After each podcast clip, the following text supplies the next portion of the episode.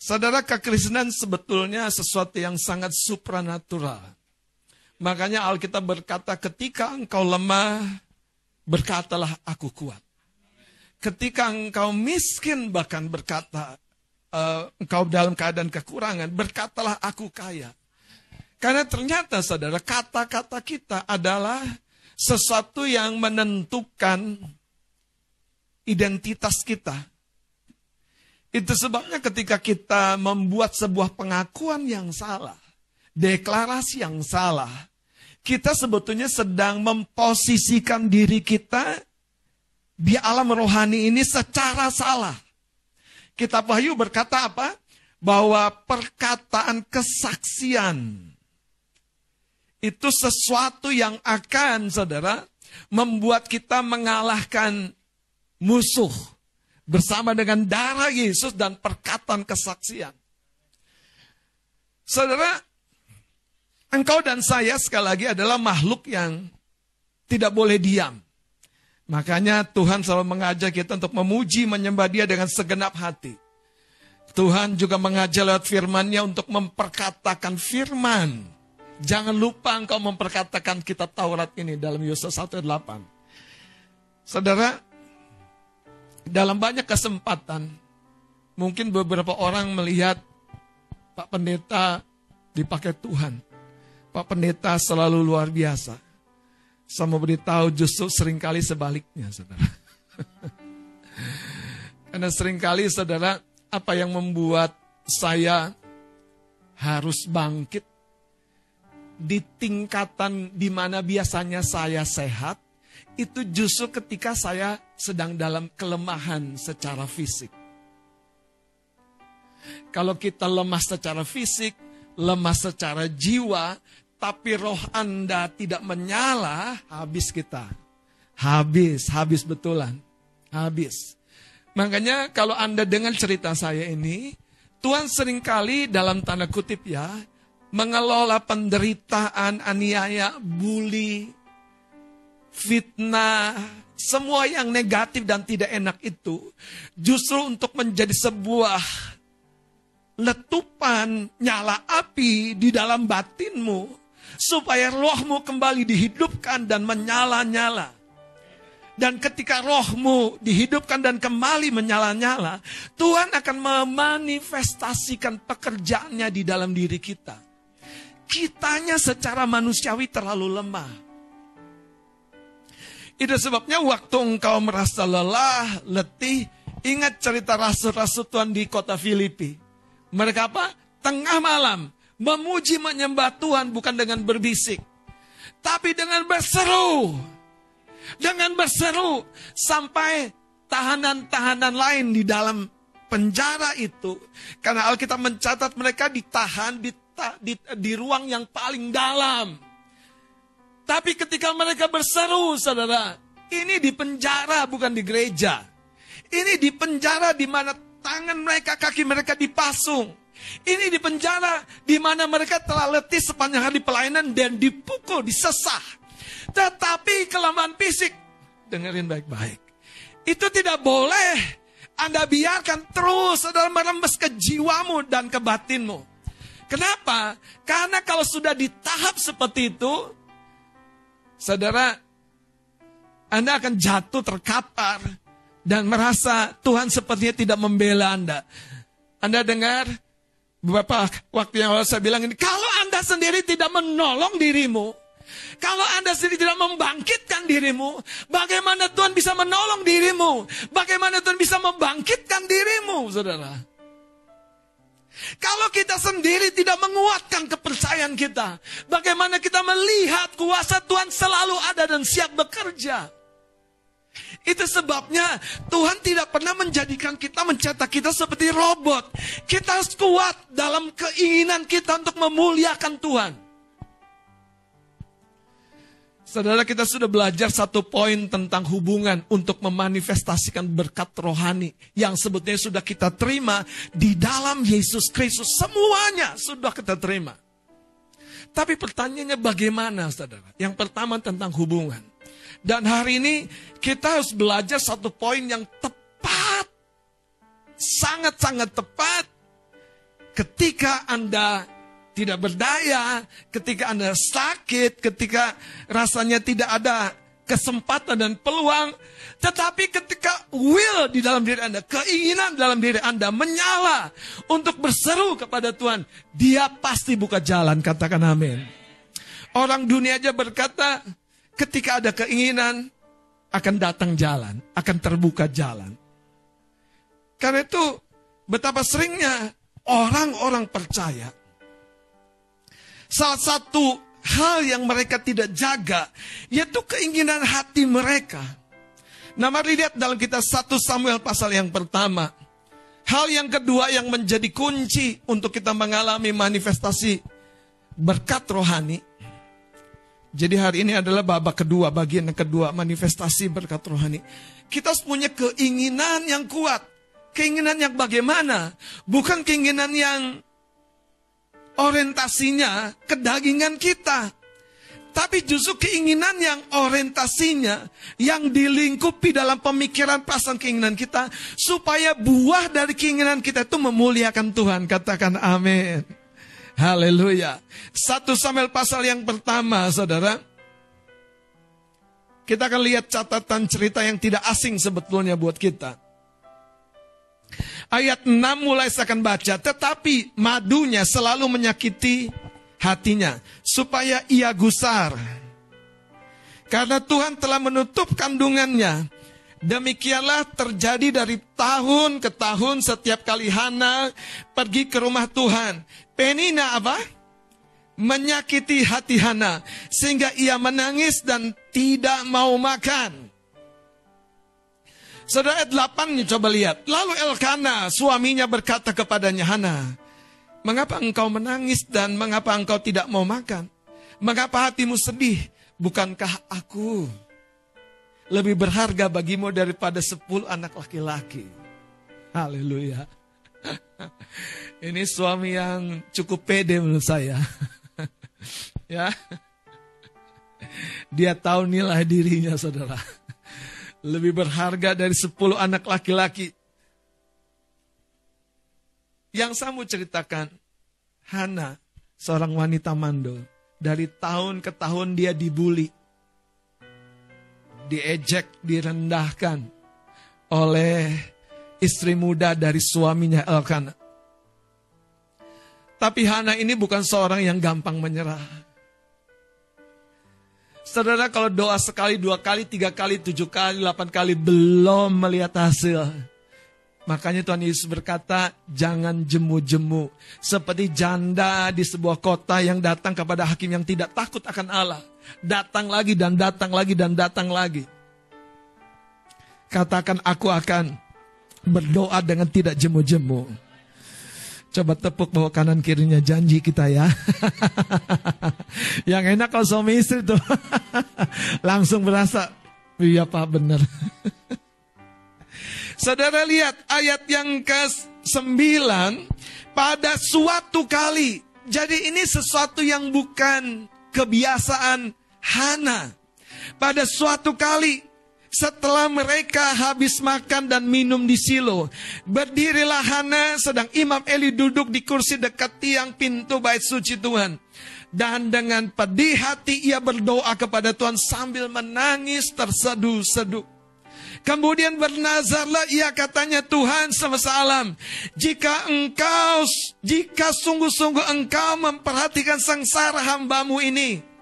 Dan mengingat kepadaku dan tidak melupakan hambamu ini. Tetapi memberikan kepada hambamu ini seorang anak laki-laki. Maka aku akan memberikan dia kepada Tuhan untuk seumur hidupnya. Dan pisau cukup tidak akan menyentuh kepalanya. Dan ayat 12, jangan berhenti, kita baca saudara. Ketika perempuan itu terus menerus berdoa di hadapan Tuhan. Saudara sepenggal cerita ini apa yang coba kita mau pelajari? Yang pertama, Hana bukan seorang wanita yang beruntung dalam konteks umumnya. Dia seorang yang beribadat, tahun demi tahun dia kebaktian, dia mencari Tuhan. Tapi Alkitab mencatat dia mandul. Hana bukan seorang ibu yang dapat bangga dengan keluarganya, dengan anak-anaknya, karena tidak seperti orang lain pada umumnya. Tapi Hana yang menarik adalah dia punya Tuhan yang menunggu saudara. Berkat di dalam kandungannya itu akan manifest, akan menjadi nyata. Waktu keinginan Hana untuk memuliakan Tuhan itu begitu kuat.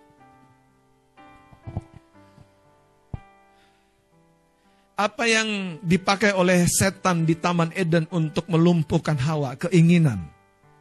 Betul? Keinginan. Bagaimana keinginan Hawa dibelokkan dari ketaatannya kepada Tuhan dan dia pengen coba-coba makan buah yang dilarang. Keinginan.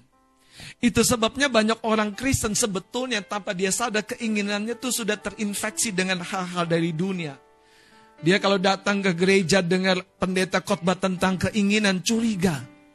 Wah pendeta kedagingan ini. Padahal saudara kita sama-sama tahu kita masih di muka bumi. Kita masih di dalam daging. Artinya saudara, yang daging ini justru harus takluk. Yang daging ini harus kita tundukkan. Yang daging ini harus kita jadikan hamba. Tapi yang batin, yang roh ini adalah Tuhan. Ya, keinginan daging ada. Tapi keinginan daging nggak boleh jadi Tuhan atas hidup kita. Kalau Anda baca cerita ini, bagaimana besarnya keinginan Hana, ini rahasianya. Itu tidak timbul secara tiba-tiba. Keinginan Hana yang besar untuk melihat rahimnya terbuka itu tidak timbul secara tiba-tiba. Bagaimana caranya? Coba lihat ayat 6-nya kembali. Tetapi madunya selalu menyakiti hatinya. Katakan selalu. Hari ini Anda mau mau apain orang yang selalu meledek Anda? Anda mau ngapain orang yang selalu kayaknya merendahkan Anda? Anda mau pandang seperti apa mereka? Pandang dia sebagai apa namanya? orang motivator terbaik, Saudara. Haleluya. Suaminya terlalu baik mungkin. Sampai nggak apa-apa kok.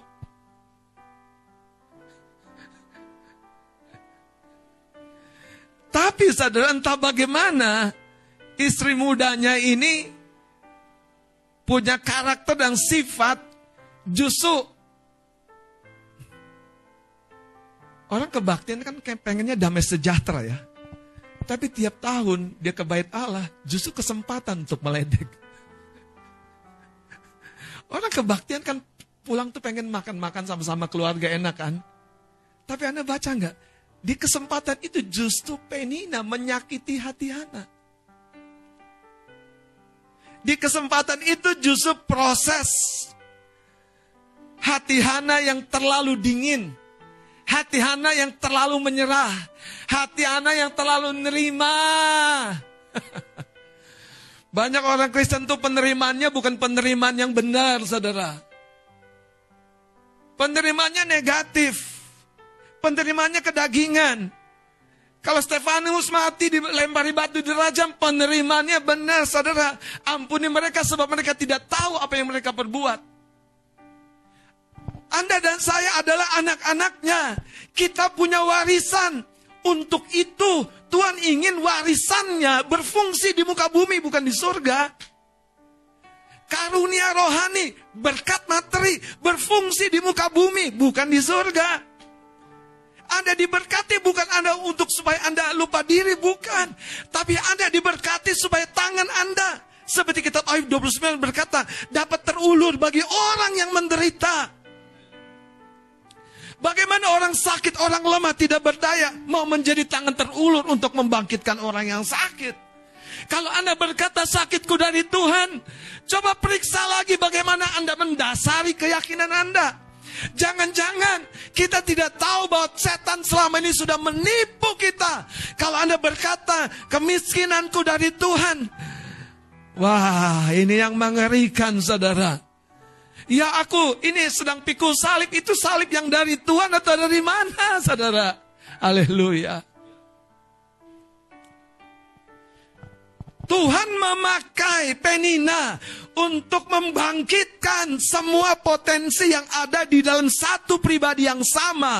Tetapi dengan semua iritasi yang Penina lakukan, Hana jadi pribadi yang sama dengan karakter yang berbeda. Hana menjadi pribadi yang sama dengan keinginan yang baru. Saya mau bertanya kepada Bapak Ibu Saudara anak-anak muda, apa keinginanmu yang baru di akhir tahun ini? Apa tujuanmu? Apa greget jiwamu? Saudara tidak heran, banyak orang tidak suka ruang doa, banyak orang tidak suka ruang konseling, banyak orang tidak suka saudara tempat-tempat di mana dia akan mengalami Tuhan karena mereka tidak punya keinginan yang kuat. Tetapi Hana dicatat ketika sakit hatinya, ketika teriris hatinya, Kali itu setelah selesai ibadah, setelah semua orang menikmati jamuan, jamuan, Hana justru mencari Tuhan.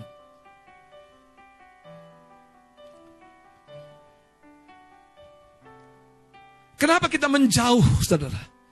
Kenapa kita memilih, saudara, untuk menikmati kedagingan kita? Hanya nongki-nongki.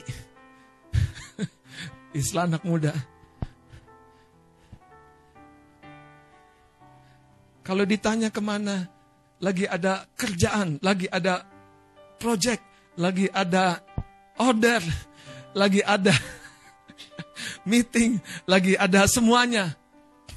Sebetulnya saya nggak ada masalah sih kalau Bapak Ibu Saudara sekali-sekali tidak hadir hari Minggu. Tapi kalau alasannya bangunnya telat, eh masih bisa bangun telat. Kalau alasannya Bapak Ibu Saudara pulangnya kemalaman. Jadi bangunnya nggak bisa pagi. Kalau alasannya jauh lah, emang selama ini nggak jauh. Masih ada cerita alasan jauh. ya kan? Kita mah udah biasa saudara. Haleluya. Pertanyaannya buat kita, apakah Anda di akhir tahun ini punya keinginan yang besar Keinginan yang bagaimana? Keinginan untuk mewujudkan sesuatu yang lebih memuliakan Tuhan, saudara. Dengan beribadah tiap-tiap tahun, Hana dan keluarganya memuliakan Tuhan. Apakah itu cukup? Apakah itu cukup? Bapak Ibu Saudara, keinginan saya tidak lama. Ya, yang pertama sih gak usah pindah dulu dari tempat ini kita akan melebar gitu ada. Entah ke sana ya Kani atau ke sana ya. Lalu sebelah ada Bang Penin. Tuhan selalu punya cara. Uang wanita-wanita datang pada pagi-pagi buta waktu kebangkitan Yesus yang gulingkan batu siapa? Wanita-wanita itu? Siapa? Kabuima. Malaikat. Batu besar penutup kuburnya Yesus itu bukan digulingkan oleh wanita-wanita yang bawa rempah-rempah. Kalau keinginanmu memuliakan Tuhan, Tuhan akan buka jalan. Tapi berapa besar kekuatan keinginanmu itu, saudara? Saya bayangkan wanita itu pagi-pagi berangkat tidak mikir. eh, ajak siapa yang kuat ya? Kayaknya anugerah kuat nih. Bang anugerah kayaknya kuat. Ajak yuk. Biar nanti gulingkan batu. Ternyata batunya gede Bang Nura. Segede pintu auditorium. Bukan pintu rumah, auditorium. Batu besar. Alkitab mencatat saudara, batu itu digulingkan oleh malaikat. Mana ada beban yang terlalu berat bagi orang yang kerinduan dan keinginan hatinya memuliakan Tuhan. Mana ada saudara, Enggak ada. Kenapa? Karena Tuhan di pihaknya dan sedang bekerja. Katakan amin. Ayo kuatkan kanan kirimu. Katakan aku punya keinginan untuk memuliakan Tuhan. Lebih lagi. Lebih lagi. Lebih lagi. Lebih lagi. Hana sudah rajin ibadah tiap tahun memuliakan Tuhan, memuliakan Tuhan. Tapi apakah itu cukup? Ternyata ada satu hal yang tidak boleh Anda lewat nih. Makanya Yesus berkata kepada murid-muridnya, kalau kamu berbuah, kalau kamu berbuah, eh pekerja-pekerja, sudahkah Anda berbuah? Haleluya. Saudara, hmm, Jujur ya, kalau saya, buahnya bukan gajian tiap bulan. bukan posisi lebih baik, pengaruh lebih besar, orang di bawah kepada Tuhan. Tentu saudara, pemakaian Tuhan akan lebih nyata. Tapi dalam kehidupan Bapak Ibu dan teman-teman pekerja, tentu buahnya adalah ketika Anda, bahkan ya dengan saya baik-baik, tiap bulan itu nggak usah korek tabungan yang pertama. Kirim buat orang tua nggak lupa. Kasih perpuluhan apalagi di paling depan. Untuk diri sendiri yang bulan lalu belum habis. Amin. Amin. Amin. Haleluya. Amin. Yang bulan lalu belum habis untuk traktir adik-adik Kersel. Ya, itu itu itu itu sesuatu yang nggak perlu direncanakan. Kapan waktu siap kok? Kapan waktu siap? Oh, kalau anda sudah bilang kapan waktu siap, kapan waktu siap, kapan waktu siap. Saya mau kasih tahu, saudara akan lebih banyak jiwa dibawa kepada Tuhan. Tapi kalau Anda mau ngajak makan bakso ada di karsel Anda aja, Anda harus itu baik-baik. Ada sisanya nggak ya bang ya bulan ini makanya kekasih-kekasih Tuhan. Berbuahlah lebih lebat. Punyalah keinginan yang lebih tinggi. Harus kirim orang tua ya. Kenapa tidak? Berkatnya dari sono kok. Anda lempar ke atas juga turun lagi ke Anda kan? Betul gak sih? Betul gak? Wah, gimana kage? Aman?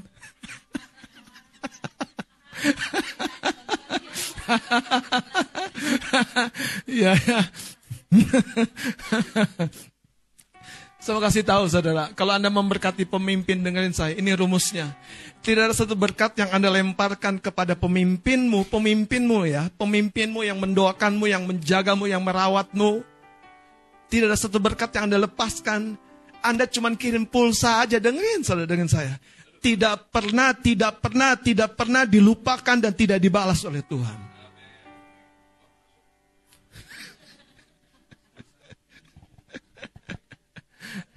Wong Tuhan berkata begini, kalau kamu kasih air segelas, air putih sejuk kepada nabi, upah nabi akan datang kepadamu. Makanya saudara, berapa banyak keinginan kita tuh perlu diprovokasi, dibangkitkan. Saya ketemu sama orang-orang yang sebetulnya saudara, itu hebat talentanya. Banyak hal bisa dia lakukan. Tapi keinginannya sudah mati di dalam dirinya. Keinginannya sudah redup di dalam dirinya. Sudah, dia udah nggak berpikir ke mana-mana, saudara. Dia selalu bilang, yang penting lumayan lah bang, lumayan eh. Dengerin, Anda dan saya adalah anak-anak raja segala raja. Kehidupan kita ada di muka bumi ini untuk mengelola muka bumi. Supaya satu hari kelak kita meninggalkan yang kita kelola menjadi kerajaan Allah dinyatakan di muka bumi. Haleluya.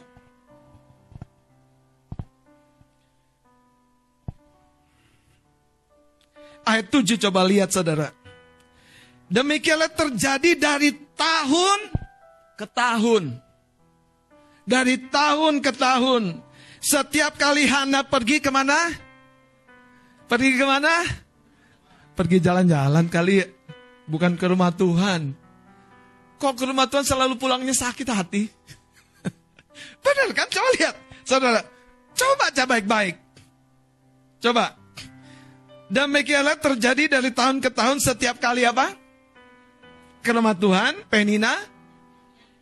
Sehingga ia menangis dan Haleluya. Makanya yang menangis bukan akan dihiburkan. Yang menangis akan melihat dan mengalami Tuhan. Betul. Jangan cari sebatas penghiburan manusia. Sabar ya. Saya selalu kasih tahu, kalau pahlawan lagi berduka, jangan ditepuk bahunya, jangan diusap, biarkan dia. Anda jangan pelakukan dia seperti orang kemarin sore menghadapi penderitaan. Iya, benerin. Beneran. Benerin, beneran. Makanya kalau saya lagi berduka nggak usah ditepuk. Kalau saya lagi oh, tujuh kali nggak apa-apa, biarin. Buat Pak Gembala itu nanti akan menjadi obat pembangkit kekuatan di dalam dirinya. Saya punya lawan yang terus menerus saya harus lawan tiap-tiap pagi kalau saya bangun pagi menyembah. Yang namanya hidung saya itu sensitif, saudara. Ngocor kalau tiap pagi, bukan flu.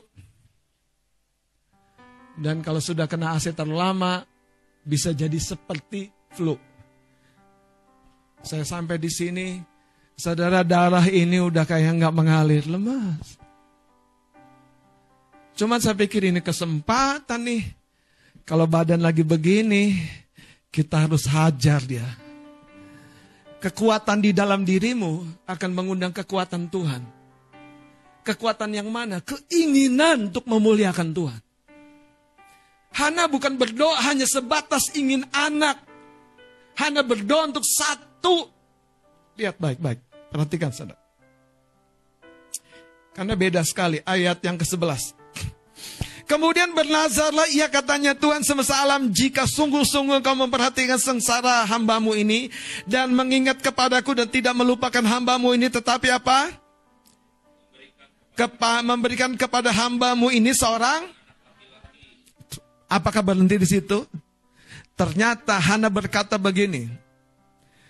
Maka pertanyaannya setelah kau minta blessing dari Tuhan yang materi, Pertanyaannya ketika kau minta peluang, minta sesuatu yang lebih besar, setelah itu bagaimana? Hana tidak berhenti. Hana berkata, maka aku akan memberikan dia kepada Tuhan. Saudara, pada masa itu anak-anak Imam Eli tidak jadi pelayan Tuhan yang benar. Hana melihat, Hana membidik, ada kebutuhan di rumah Tuhan. Butuh satu orang yang berbeda. Anda tahu, Hana tidak sembarangan minta anak-anak laki-laki dan diberikan kembali ke rumah Tuhan. Hana tahu kebutuhan kerajaan Allah. Hana tahu kebutuhan surga. Itu sebabnya waktu dia berdoa, dia bergumul dengan keinginan yang sangat kuat. Dia percaya saudara, breakthrough, terobosan akan terjadi. Hari ini saudara, rindukan perkara-perkara yang lebih besar dari keterbatasan hidupmu supaya olehnya hidupmu lebih lagi memuliakan nama Tuhan. Ayat ini berkata, saudara, maka aku akan memberikan dia kepada Tuhan untuk seumur hidupnya. Samuel dari sejak belum Hana rasakan di dalam rahimnya, telah dipersembahkan, dinazarkan, dinazirkan, jadi seorang yang terpisah untuk Tuhan. Dan dikatakan pisau cukup tidak akan menyentuh kepalanya. Saudara yang pertama untuk kita melihat manifestasi berkat rohani. Berkat yang di dalam diri kita. Berkat rumah tangga. Berkat seorang pekerja, seorang pegawai berkat seorang pekerja, seorang pegawai, Anda bisa baca cerita tentang Yusuf. Dikenan oleh atasan, diberkati, naik lebih lagi. Jadi orang yang semakin tinggi dipakai oleh Tuhan. Kiranya dimulai dari sebuah keinginan, kesadaran, kekuatan yang di dalamku ini harus pecah. Kalau sudah pecah, dia bisa jadi. Tapi kalau kita terlalu dingin, menyerah. Yang terjadi, terjadilah. Hidup ini bergulir, berjalan, seiring dengan Anda memperjuangkannya atau tidak. Yesus pakai sebuah cerita toh yang baik. Coba kita lihat. Dari Lukas pasal yang ke-18. Saya akan bagikan dua poin saja saudara. Dengan cepat. Lukas 18 lihat saudara Yesus mengatakan suatu perumpamaan kepada mereka untuk menegaskan bahwa mereka harus selalu Coba baca sama-sama. Yesus mengatakan suatu perumpamaan kepada mereka untuk menegaskan. Jadi ada banyak orang tuh yang mikir, ah besok juga doa lagi Tuhan gak jawab lagi. Doa lagi Tuhan gak jawab lagi siapa bilang. Doa lagi nggak ada jawaban lagi. Yang benar, udah yakin. Coba ayat ini berkata mereka untuk menegaskan bahwa mereka harus selalu berdoa.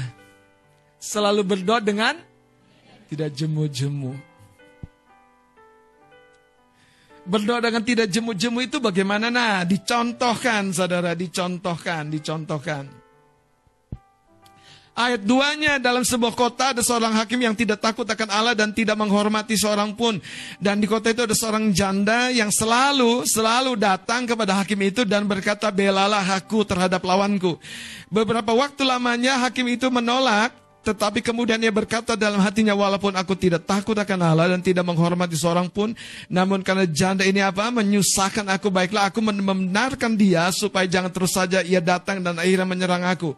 Ayat 6-nya kata Tuhan, camkanlah apa yang dikatakan hakim yang lalim itu. Tidakkah Allah akan apa? Orang-orang. Jadi kalau Anda dan saya percaya, kita adalah orang-orang pilihannya. Jangan berdoa dengan cara yang sama. Berdoalah dengan tidak jemu-jemu. Berdoalah dengan konsisten. Berdoalah tanpa rasa ingin menyerah. Berdoalah lagi, lagi, lagi, dan lagi. Bang, suamiku belum berubah. Doakan lagi. Bang, istriku masih sama aja. Doakan lagi. Haleluya. Sakitku belum sembuh. Berdoa percaya. Kenapa saudara yang menarik adalah ketika engkau dan saya tekun berdoa dengan tidak jemu-jemu sebetulnya bukan sekedar doanya, tapi engkau akan membangun sebuah keterhubungan yang lebih dalam, yang lebih dalam lagi, lebih dalam lagi dengan dia. Katakan aku tidak akan menyerah. Hal yang kedua, saudara, mari kita lihat.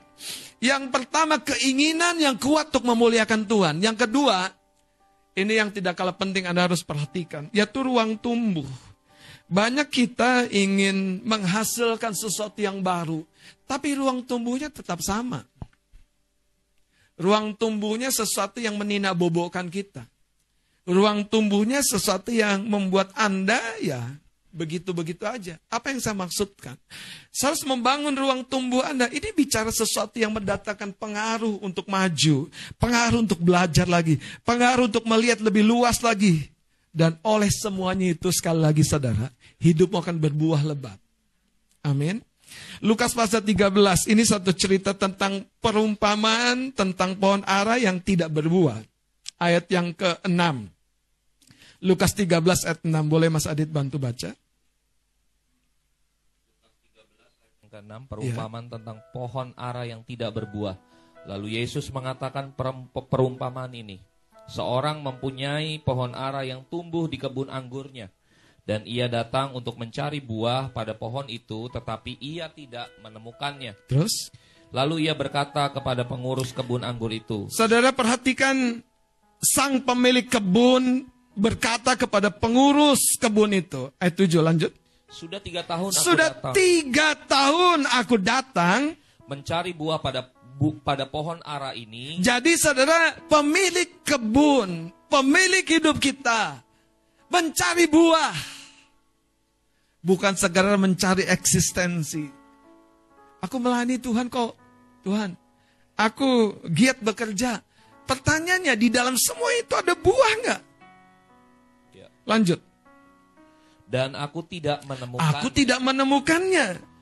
Tebanglah pohon ini. Untuk apa ia hidup di tanah ini dengan percuma? Saudara Tuhan sebetulnya sedang menyampaikan sebuah cerita tentang orang-orang yang hidup secara agamawi. Mereka kelihatannya eksis. Mereka kelihatannya berbu, uh, berjubahkan sesuatu yang suci kudus. Mereka sepertinya hadir di rumah Tuhan. Tapi hidupnya tidak berbuah dan tahun demi tahun Yesus mencari buah tapi sayang tidak didapatkan. Ayat 8 dan 9 ini mengungkapkan ternyata Ada sesuatu yang salah. Ada sesuatu yang berbeda di ruang tumbuh pohon ara ini. Saudara sekali lagi izinkan saya untuk mendorong Anda. Untuk membangkitkan semangat Anda. Untuk menaruhkan keinginan yang lebih tinggi memuliakan Tuhan. Saudara. Sayangnya pengurus kebun anggur ini yang di dalam kebun anggur itu ada satu pohon ara, tidak peduli dengan pohon ara yang tidak berbuah. Saya nggak mungkin nggak peduli hidup Anda nggak berbuah. Saya tidak mungkin. Saya tidak mungkin. Saya tahu, saudara. Saya tahu. Yang luar biasa adalah, ini bukan tentang saya. Tapi tentang kehendak Tuhan terjadi dalam hidup kita. Haleluya. Lihat sekarang baca bersama-sama ayat 8 dan 9. Kita baca sama-sama ayat 8 dan 9. 2, 3. Jawab orang itu. Tuhan, Tuhan biarkanlah dia tumbuh tahun ini lagi. Aku, aku akan mencangkul tanah sekelilingnya dan memberi pupuk kepadanya. Mungkin tahun depan ia berbuah. Jika tidak, tebanglah dia. Ayat 8 berkata, Luar biasa ya Tuhan. Biarkanlah dia tumbuh tahun ini lagi. Tahun-tahun dalam hidup kita harusnya menjadi tahun berbuah. Tetapi kenapa tidak berbuah? Ternyata ada sesuatu yang belum dilakukan oleh pengurus kebun anggur itu. Coba ayat ini mencatat begini. Aku akan apa? Mencangkul tanah sekelilingnya. Bukankah ini bicara tentang hatimu digemburkan? Pemikiranmu di, di extend, diperluas. Bukankah ini berbicara, ayo kita dimuridkan. Ayo kita ada di dalam sebuah kersel.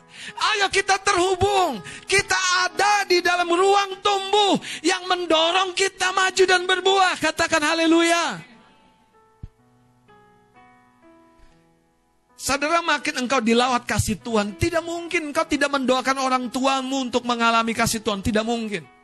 Tidak mungkin, saudara. Makin kita diberkati, kita dijamah Tuhan, tidak mungkin orang itu biasa-biasa sama pasangannya. Satu hari kami melayani retret SMA. Wah, sekian tahun yang lalu. Kalau anda ingat ya. Ada seorang penjaga sekolah. Yang menjaga dan mendampingi anak-anak SMA tersebut lagi retret.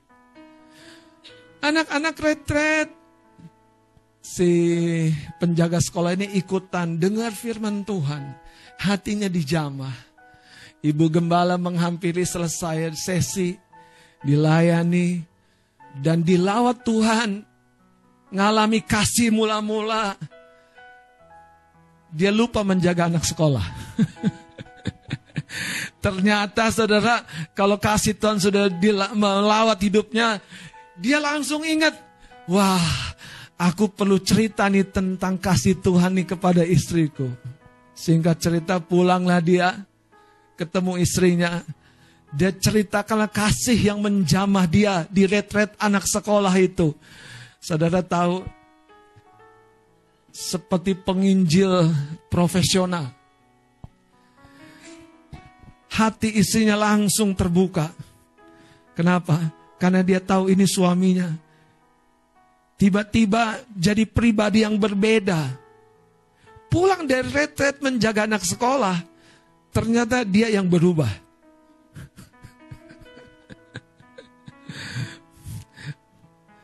Dan singkat cerita saudara, dia bersaksi dan dia melayani istrinya, terima Tuhan Yesus.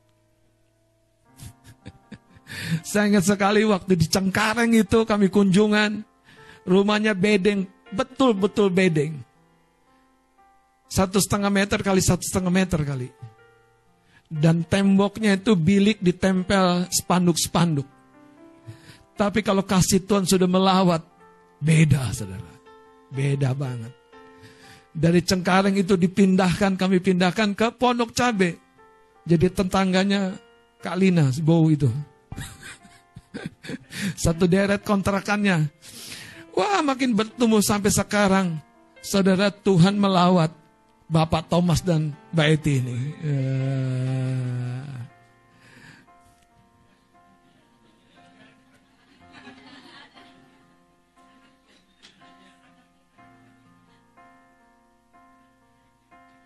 Yang saya bilang gini saudara, jangan biarkan potensi itu ibarat mata air yang berbuah-buah dalam dirimu itu terkubur. Nanti Anda baca. Karena Filistin itu gambaran roh dunia yang mengubur hidupmu jadi biasa. Udah, udah cukup, udah, udah cukup, udah kerja. Ya udah cukup, tapi kalau engkau punya keinginan seperti Daud, aku mau membangun rumah Tuhan. Wow, Tuhan aja hebat ya. Tuhan bilang gini sama Daud, sorry ya, bukan kamu yang akan bangun rumah buatku. Tanganmu ini layak lain. tanganmu ini tangan prajurit. Tanganmu ini tangan suka nikah musuh. Tapi anakmu Salomo yang membawa damai itu yang akan bangun. Tapi Daud mencerah, enggak. Dia sediakan semua persiapan untuk pembangunan rumah Allah. Saya mau beritahu saudara. Orang-orang yang hatinya digoncang seperti Hana digoncang oleh Penina, bangkit keinginannya untuk memuliakan Tuhan loh. Untuk hidup memuliakan Tuhan lebih lagi. Itu ajaib loh. Tuhan tidak pernah pandang sebelah mata. Tidak pernah. Coba lihat, perhatikan cerita ini saudara. Poinnya kedua, Anda harus ada di ruang tumbuh yang baik. Ayat 8, jawab orang itu, Tuhan biarkanlah dia tumbuh tahun ini lagi, aku akan mencangkul tanah sekelilingnya dan memberi pupuk kepadanya. Mungkin tahun depan ia berbuah jika tidak tebanglah. Kekasih-kekasih Tuhan, saya mau beritahu, Tuhan tidak pernah salah menempatkan kita. Masalahnya sering kali ada interaksi yang tidak sepenuhnya berjalan. Pohon ara tidak terlayani dengan baik kebun anggur di sekelilingnya berbuah. Tapi pohon ara mengalami masalah, mandul, tidak berbuah.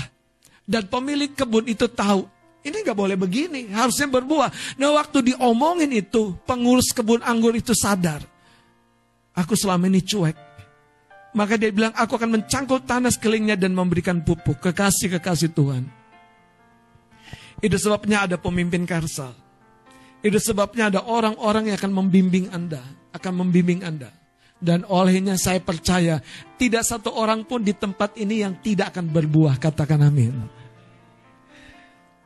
Satu bagian ayat dari kejadian pasal yang ke-26 dan kita akan berdoa saudara.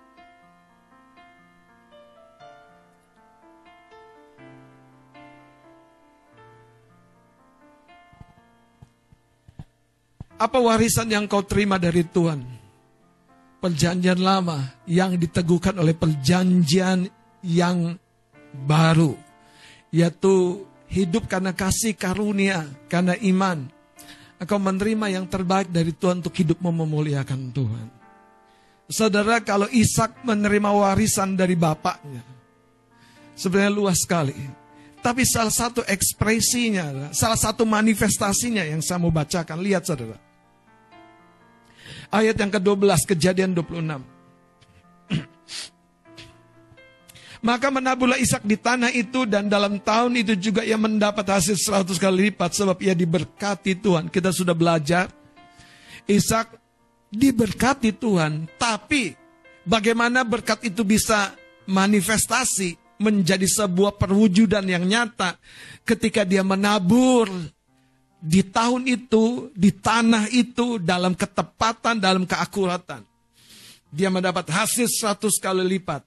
Berkat Tuhan menjadi nyata. Dan saudara ayat 13-nya, ini cuma dampak sampingan, bukan yang kita kejar. Jangan salah ya. Ini bukan bukan yang kita kejar. Lihat ayat 13-nya. Dan orang itu menjadi kaya. Akibat betul kan? Akibat apa? Akibat dia bekerja sungguh-sungguh, akibat dia menabur dengan baik. Ada sesuatu yang makin melimpah, dikatakan menjadi kaya, bahkan kian lama kian. Bahkan ia menjadi sangat kaya. Yang menarik saudara dikatakan ia mempunyai kumpulan kambing domba, lembu sapi, serta banyak anak buah. Padahal pada ayat 12 Alkitab hanya mencatat maka menaburlah Ishak di tanah itu. Apa maksudnya saudara? Di dalam satu pribadi Ishak bukan hanya ada seorang petani.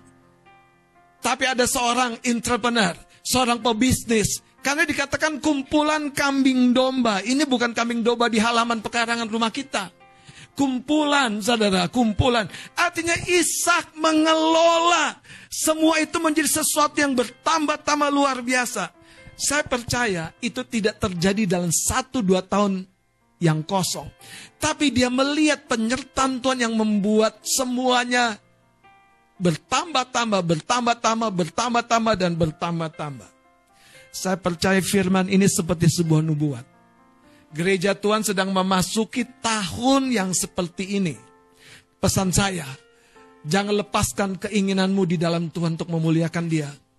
Ketika engkau sehat, ketika engkau bekerja dengan baik, engkau akan lebih memuliakan Tuhan. Yang kedua, saudara, izinkan ruang tumbuh di mana Anda tumbuh akan membangkitkan semua potensi, akan memunculkan apa yang belum terjadi, akan memakai engkau dalam karunia-karunia yang bahkan membuat engkau sendiri kaget.